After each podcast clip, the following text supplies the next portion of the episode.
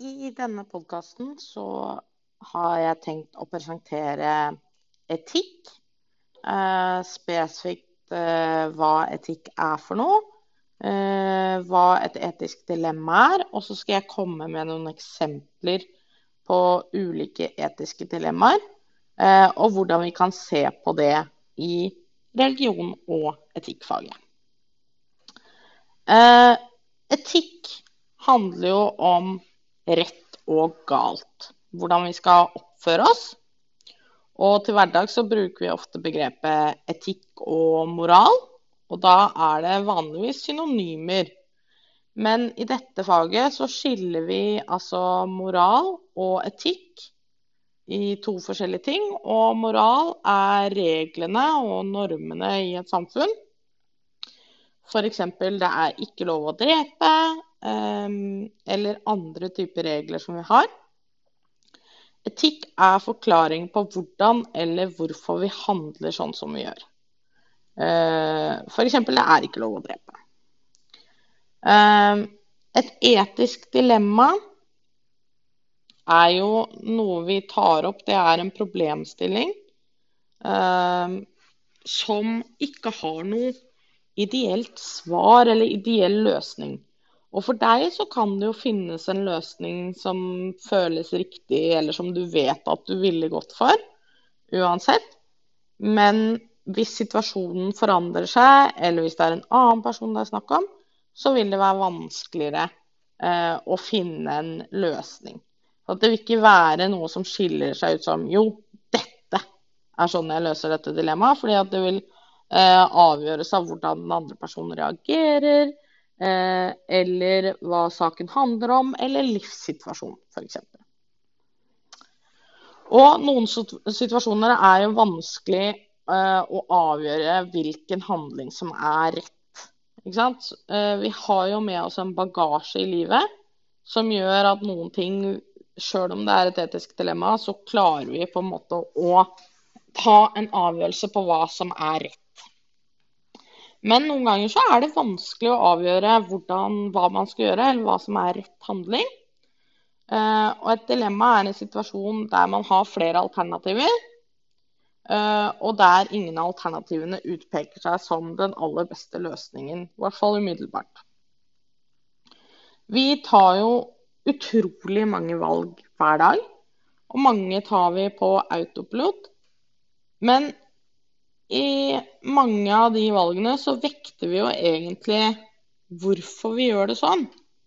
Med ulike synspunkter og hensyn. Men fordi vi tar så mange valg hver dag, så er det mange ting vi bare velger. Fordi vi pleier å gjøre det, eller fordi det er en sånn person vi ønsker å være. Og da har vi allerede tatt de hensynene, vekta de synspunktene og tenkt jo, jo, jeg skal være en sånn person. Så da gjør jeg det sånn hver gang. Jeg har med eh, et dilemma. Det er henta fra NDLA. Som er et etisk dilemma som de har laga, som jeg nå skal lese. Trine er ei jente på 18 år. Hun er i en situasjon der hun syns det er vanskelig å vite hva hun skal gjøre, eh, og henvender seg derfor til en blogg som driver med etisk rådgivning for unge. Erna er bestevennen min. Vi er som erteris. Vi forteller hverandre alt og har ingen hemmelighet for hverandre. Det er godt å ha ei venninne som Erna. Hun har tidligere slitt med depresjon og angst, men alt det er borte etter at hun traff Jonas. Jeg tror Erna er veldig forelsket i Jonas. Problemet er at jeg på lørdag tilfeldigvis så Jonas sitte på en benk i parken. Han klinte meg ei jente. Og det var ikke Erna. Hva gjør jeg nå? Jeg er redd for at Erna skal bli veldig lei seg og deprimert igjen hvis jeg forteller henne hva jeg så. Samtidig kan jeg heller ikke holde det skjult for henne. Hva skal jeg gjøre? Det jeg vil at dere skal gjøre nå, er å tenke gjennom eh, hva er rett løsning i denne situasjonen. Hvilke råd ville du eventuelt gitt til Trine om hvordan hun skal løse situasjonen? Og hvordan ville dere løst problemet?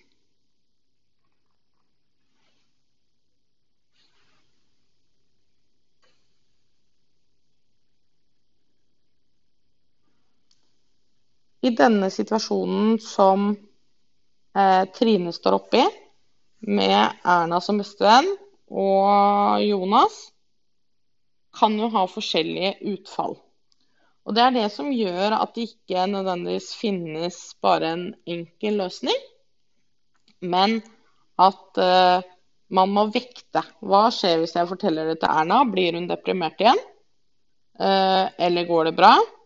Uh, hva skjer hvis jeg forteller det til Erna? Blir det slutt mellom henne og Jonas, sjøl om han kanskje ikke mente å, såre henne, eller ikke mente å mente noe med å hooke med en annen person. Uh, at det kanskje ikke betydde noe for han, osv. osv.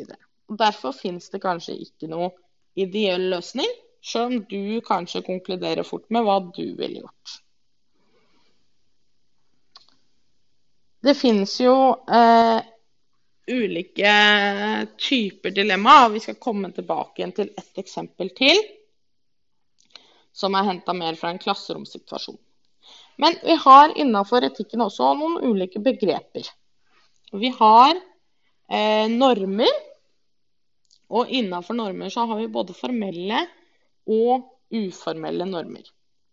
Og formelle normer er eh, formelle regler innafor eh, som vi følger.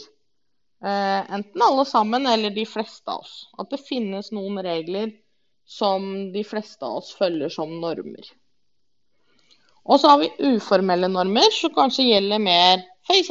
i vennegjengen din. Så kan det være en helt tydelig og klar løsning på eh, Trine, Erna og Jonas sitt dilemma. Fordi at dere har egne uformelle normer om hvordan dere oppfører dere mot hverandre. Eh, at man er enig om det på forhånd, eller at man har en kutyme. Altså at man har en vane om at når man ser at en fyr er ufin med en venninne, så skal man si fra. Eller at man ikke skal si fra, fordi venninna ikke vil vite om det. Så har vi eh, et begrep til som er sanksjoner. Og det er jo ulike former for straff. Vi har sanksjoner på eh, hvis jeg går hen og gjør noe ulovlig mot Norges lover, så vil jeg bli dømt for det på et eller annet vis. Det kan være at jeg kjører for fort. Da får jeg en bot. Eller hvis jeg kjører ordentlig mye for fort, så kan jeg miste førerkortet. Eh, og sånne type ting. Men også innafor uformelle normer eller uformelle regler, så har vi jo sanksjoner. F.eks. så uh, kan en sanksjon være at man ikke vil være venn lenger med en person fordi de har oppført seg ufint. Så hvis uh, en venninne av deg eller en venn av deg kliner med din kjæreste, så er det ikke sikkert du vil være venner med de lenger. Og det er en slags sanksjon ut ifra eh, normene som ligger i samfunnet. Og de uformelle normene dere har dere imellom som venner. Eller hvis noen oppfører seg ufint eller gjør noe som dere ikke syns noe om, så kan det hende at det kommer sanksjoner av det. Eh, verdier. Vi har ulike typer verdier. Vi har egenverdi, altså at vi setter pris på det eh, i seg selv. F.eks. så er det mange som legger vekt på lykke eller frihet. Så har vi instrumentell verdi. Vi setter pris på det fordi det kan hjelpe oss med å oppnå noe annet. Altså en pengeseddel har f.eks. ingen verdi i seg selv, men det ligger i penger et middel for å oppnå f.eks. lykke eller god helse eller hva det måtte være, da. Som man får for de pengene. Iboende verdi betyr at noe har en verdi uavhengig av om noen setter pris på det, F.eks. vil mange si at mennesker har en iboende verdi i seg selv, eller naturen har en iboende verdi i seg selv. Og at de har en verdi bare av å være. Så er det siste begrepet akkurat nå eh, for, for denne gang er holdninger. Og det handler om hva slags type holdninger vi har til eh, ulike ting. Eh, og da snakker vi jo mest om holdninger til normer, eh, moral eller etikk. Hva tenker du at det er greit å gjøre? Hva tenker du at det er litt på grensa? Og hva er helt uakseptabelt? Hva slags type holdninger kommer vi inn med i utgangspunktet? Og noen ganger har vi holdninger hvor vi sier nei, det ville jeg aldri gjort. Men så når man står i situasjonen, så oppfører man seg kanskje annerledes allikevel. Fordi at noen ting har forandra seg. Og så vil det også avhenge av, eh, av situasjonen hva, hvordan man, uh, man oppfører seg. Uh, og hva, hva, som legges til grunn. Om det går utover deg, f.eks. Uh, og av og til kommer normene i konflikt med hverandre. Tenk deg at du har en god venn som lener seg mot deg under en matteprøve og spør deg om riktig svar på et spørsmål. Hva gjør du? Vennen din vil kanskje forvente at du er lojal og hjelper han eller henne, mens læreren og skolen forventer at du ikke jukser. Dette er et eksempel på en normkonflikt der man må velge mellom to motstridende normer. Du vil både være kompis uh, og være lojal og hjelpe en venn. Men samtidig så vet du at du ikke skal jukse. Og i tillegg får jo du da sanksjoner hvis du blir tatt i juks. Eh, og det går ut over deg. Vi har noen etiske I religion så er det jo sånn at vi ser på etiske dilemmaer både ut fra personlige eksempler, sånn som det eksempelet med Trine og Erna, som jo kan være noe som folk opplever um, i, um, i, løpet av livet sitt. Men også så ser vi på uh, etikk fra et veldig sånn teoretisk perspektiv. Og det kaller vi for normativ etikk. Og da ser vi på etikk um, som uh, ut ifra noen etiske teorier. Og da er den første av de etiske teoriene, det er dydsetikk. Og den legger vekt på hva som er godt, det gode. Og dyd, det kommer fra å duge, altså å duge til noe. Eh, og hva som er det gode, og hva som kan bidra til et godt liv. Så dydsetikken er opptatt av en helhet i etikken. Dydsetikken er opptatt av fellesskap og harmoni mot andre. Og realisere sitt potensial og finne sin tiltenkte rolle i samfunnet. Eh, den etiske teorien dydsetikk kalles, knyttes ofte til dyder, altså til det man må gjøre for å duge. Og dette kommer fra antikken. Altså både Sokrates og Platon utviklet sider ved seg selv og uh, mente at man måtte utvikle sider ved seg selv og oppføre seg på en god og etisk måte. Og Aristoteles også mente at man måtte utvikle vaner som gjør at du handler automatisk rett. Så dydsetikken handler mye om at du går inn i deg selv, utvikler deg selv til å alltid handle rett. Og jo mer du utvikler deg selv, jo lettere blir det å handle rett.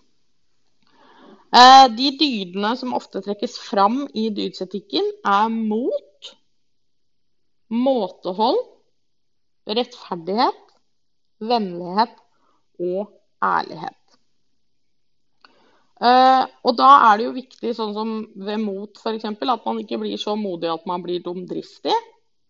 Eller ved måtehold, at man ikke holder så mye tilbake igjen at man ikke gjør noen ting i livet eh, og Så, videre, og så, videre. så det er en balansegang, men du skal da dyrke de dydene. Og det skal da i utgangspunktet gjøre at du eh, velger rett handling hver gang. Så er det konsekvensetikken. Konsekvensetikken ser på eh, ulike Fins på ulike nivåer. Det fins et individnivå og et mer sånn samfunnsnytteetikknivå. Konsekvensetikken er opptatt av det som ordet sier, nemlig hva som har rett konsekvens av den aktuelle handlingen. Og det veies da opp mot hverandre.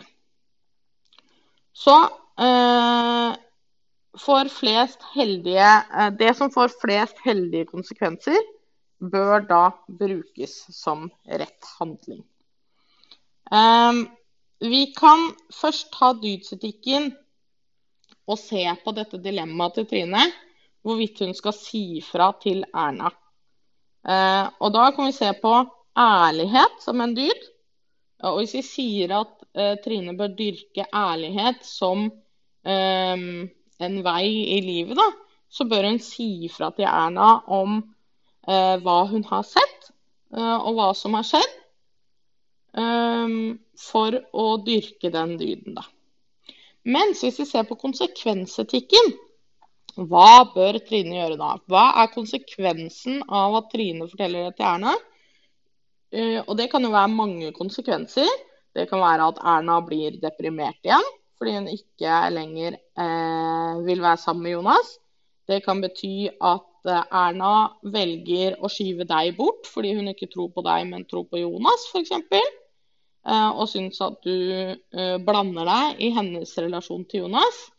Det kan bety at eh, Erna og Jonas får et sterkere bånd fordi de snakker sammen om hvorfor han klina med en annen jente på en benk. Og at de da blir enige om å være eksklusive og får en nærere relasjon. det kan bety at Erna gjør det slutt med Jonas, men allikevel har det bra fordi at hun har fått en bekreftelse fra Jonas som hun trengte i livet, som gjør at hun ikke blir deprimert igjen. Og det kan gjøre at båndet mellom Trine og Erna blir sterkere som venner, for hun vet at Erna har ryggen hennes da hvis noe skulle skje. Og det kan også gjøre at hun heller ikke blir deprimert igjen, fordi hun har en god venn og bekreftelse i denne gode vennen. Men det vet vi ikke. Vi vet ikke hva konsekvensene er at Trine sier det til Erna. Men da veier vi opp. Hva gir flest gode konsekvenser? Tror vi det er å si det til Erna, eller tror vi det er å ikke si det til Erna? Og da må vi vekte. Hva er risikoen for at Erna igjen blir deprimert og får det kjipt? Og hva er risikoen for at Erna får det kjipt over lengre tid eller en kort periode? mot uh, hva er risikoen som skjer hvis vi ikke forteller det til Erna, uh, og det går lang tid og hun fortsatt er sammen med Jonas, men det viser seg at han egentlig er en uh, kjip person som fortsetter å såre henne. Så da må vi veie opp de konsekvensene mot hverandre, og så må vi ta en avgjørelse på bakgrunn av det. Det fins også en retning innenfor konsekvensetikken som heter utilitarisme. Og der velger man den handlingen som gir mest lykke for flest mulig individer. Det er jo litt vanskelig å ta med Trine og Erna og Jonas-eksempelet. For der er det jo fire mennesker involvert, hvis vi tar med hun som Jonas klinte med på benken. Og da kan vi jo si at for Trine så har det jo kanskje ikke så mange konsekvenser for henne hva hun sier til Erna. Bortsett fra hvis hun ikke sier det, så kan det hende at det går og tynger på henne at hun går med dårlig samvittighet. Og hvis hun sier det, så kan hun jo få en nærere relasjon til Erna. Hvis Erna velger å stole på henne og ser dette som en positiv ting, da, at hun har sagt fra. Men det er vanskelig å si. Og for Jonas så kan det jo ha konsekvenser, um, både positive og negative, uavhengig av hva som skjer. Men den positive konsekvensen kan jo være at Jonas får avklart noen ting i livet sitt finne ut av hva han vil, f.eks. Eh, eller at han oppdager at hvis han mister Erna nå, eh, så Han har ikke lyst til å miste henne. Og derfor er det bra at det blir oppklart hva som har skjedd. Og for Erna så kan det både ha negative og positive konsekvenser å få vite om det. Og for denne jenta som han da kliner med på en benk, så kan det jo være positivt at Erna får vite om det. For det kan hende det fører til at Jonas blir singel og at hun da har sjanse på han, f.eks. Eh, men det kan jo også føre til det motsatte. At Jonas får bekrefta at nei, nei, det var jo bare en engangshendelse. Han vil jo egentlig være med Erna. og at denne jenta på benken da blir helt uaktuell for ham. Så da må man da velge det handlingsalternativet som man tenker at gir mest lykke for flest mulig individer. Og det er ikke alltid like lett, men da kan man jo tenke seg til selv av hva man tenker at det handlingsalternativet er. Så er det den siste um, Nei, den nest siste uh, etiske teorien er pliktetikk. Og den tar utgangspunkter i regler eller plikter uavhengig av konsekvensene. Altså den tar utgangspunkt i enten regler og plikter som er skrevet ned, uh, sånn som du skal ikke drepe, f.eks., uh, men også normer i samfunnet eller for den saks skyld regler i din egen religion. Så vi er jo, de, fleste i Norge i dag er enige om at vi ikke skal drepe. Det er f.eks. ikke dødsstraff i Norge i dag. Men det er jo noen som er for dødsstraff også.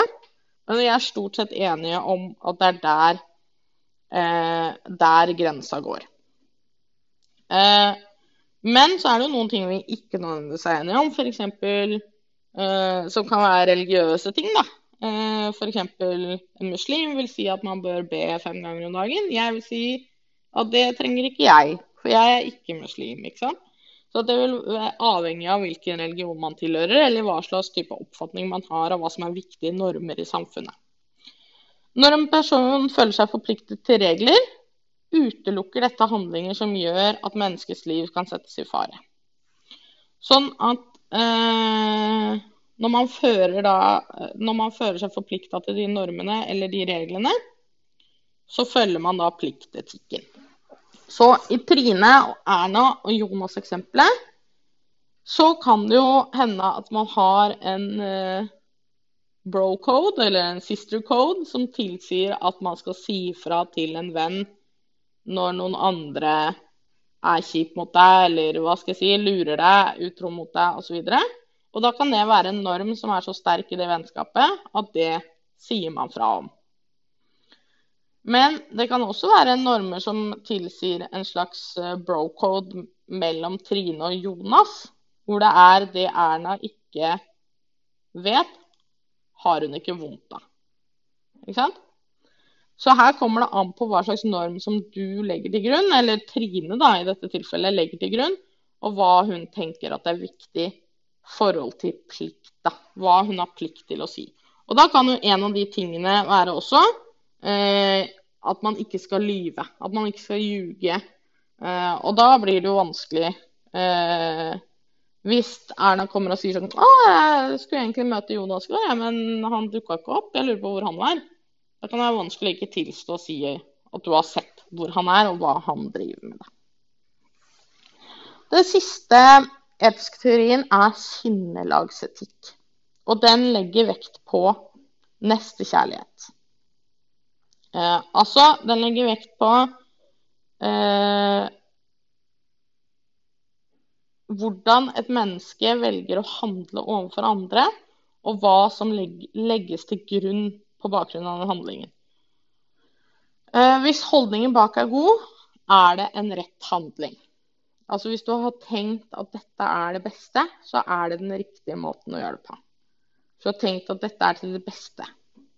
Så i Trine og Erna sitt tilfelle så betyr det at hvis eh, vi legger sinnelagsetikken til grunn, så skal Trine gjøre det hun tenker uh, at er det beste å gjøre.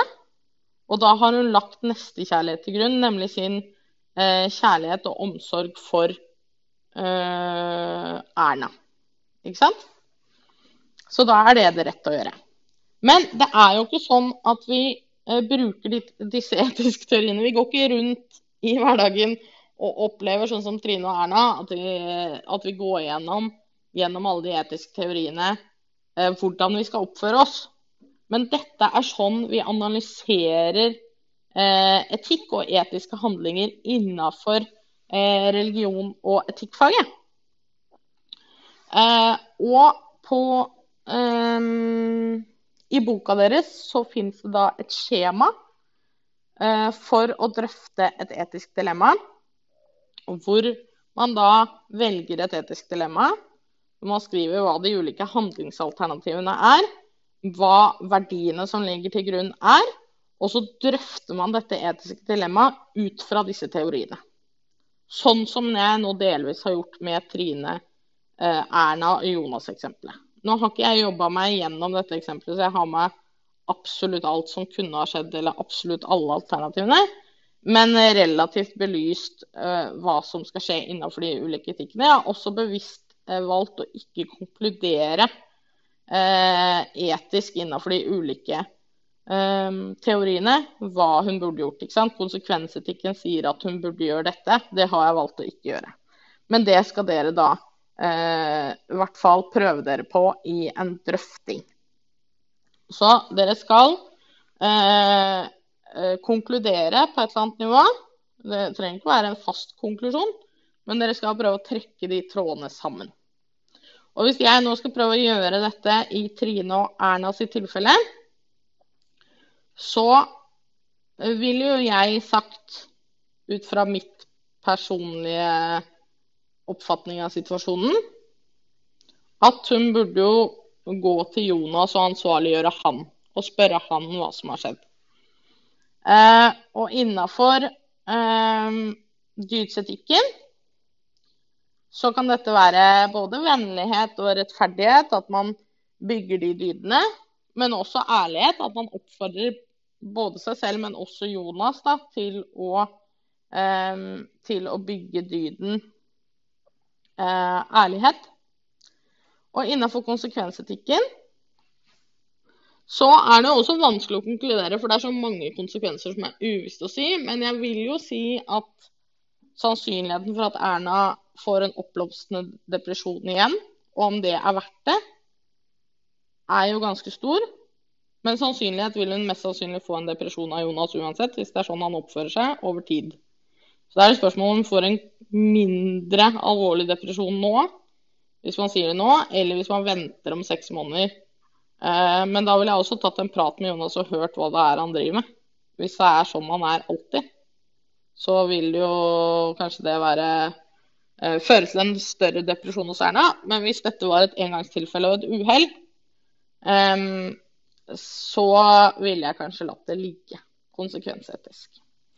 Mens pliktetikken da uh, vil jeg kanskje si at man har et ansvar for å si fra. Så da vil jeg kanskje sagt fra til Erna. Men sinnelagsetikkmessig så vil jeg si at um, både av nestekjærlighet til Jonas og til Erna, så ville jeg latt det ligge og la de ordne opp seg imellom. Og det ble nå min konklusjon på, den, eh, på det etiske dilemmaet med Trine, som lurer på hva hun skal gjøre med venninna si. Og det skal dere også gjøre.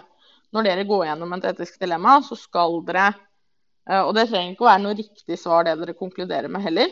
Og som dere hører, så konkluderer jeg forskjellig ut fra hvilken etisk teori jeg legger til grunn, og ut fra eh, hvilken etisk um, teori jeg drøfter ut fra. Så det vi skal jobbe med eh, neste gang, er å velge et etisk dilemma og drøfte det ut fra det skjemaet som dere da har i religionsboka deres. Jeg tenkte jeg skulle bare komme på slutten med eh, eksempler på ulike, ulike, etiske dilemmaer. Det skal vi også jobbe mer med eh, etter hvert. Men eh, noen etiske dilemmaer kan være klima eller klimatrusler, mennesker og naturen. Og da også knytta opp til urfolksrettigheter, normer og verdier. Det kommer litt an på hva slags type dilemma man, man velger. Men det står det om også i boka deres. Menneskeverd eh, kan være et etisk dilemma. Eh, menneskets verdi i seg selv. Eh, aktiv dødshjelp er ofte knytta også opp mot dette med menneskeverd. Eh, aktiv dødshjelp er Eh, et ganske vanlig dilemma som vi bruker i drøfting i dette temaet. Fordi at det er Det er et tema dere ofte, som jeg opplever at elevene ofte kjenner til.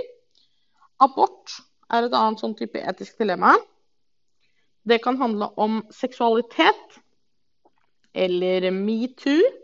Den hashtag metoo-kampanjen som jo har rulla de siste årene. Eh, eller det kan ha med samliv å gjøre. jeg har nå på slutten bare én anbefaling til. Og det er at hvis du vil høre en podkast til, så finnes det en podkast som heter Etikketaten, som er gitt ut av eh, NRK. Og der kan du høre ulike mennesker diskutere ulike etiske dilemmaer. Men det, jeg vil at dere skal gjøre det i tillegg til å lytte til disse menneskene. Eh, og der kan dere få ulike etiske dilemmaer som vanlige folk har sendt inn, som dere også kan bruke i deres etiske drøfting. Men da vil jeg veldig gjerne at dere prøver å tenke de etiske dilemmaene som dere hører i den podkasten, ut fra de fire etiske teoriene som jeg nå har gått gjennom, nemlig dydsetikk, konsekvensetikk, pliktetikk og sinnelagsetikk. Sånn, de drøfter jo etiske dilemmaer på bakgrunn av hverdagslige situasjoner. Prøver å hjelpe folk å løse de. Og det skal for så vidt vi også gjøre, men vi skal gjøre det litt mer teoretisk og faglig. Så vi skal bruke de etiske teoriene da, for å drøfte de etiske dilemmaene. Da sier jeg takk for meg.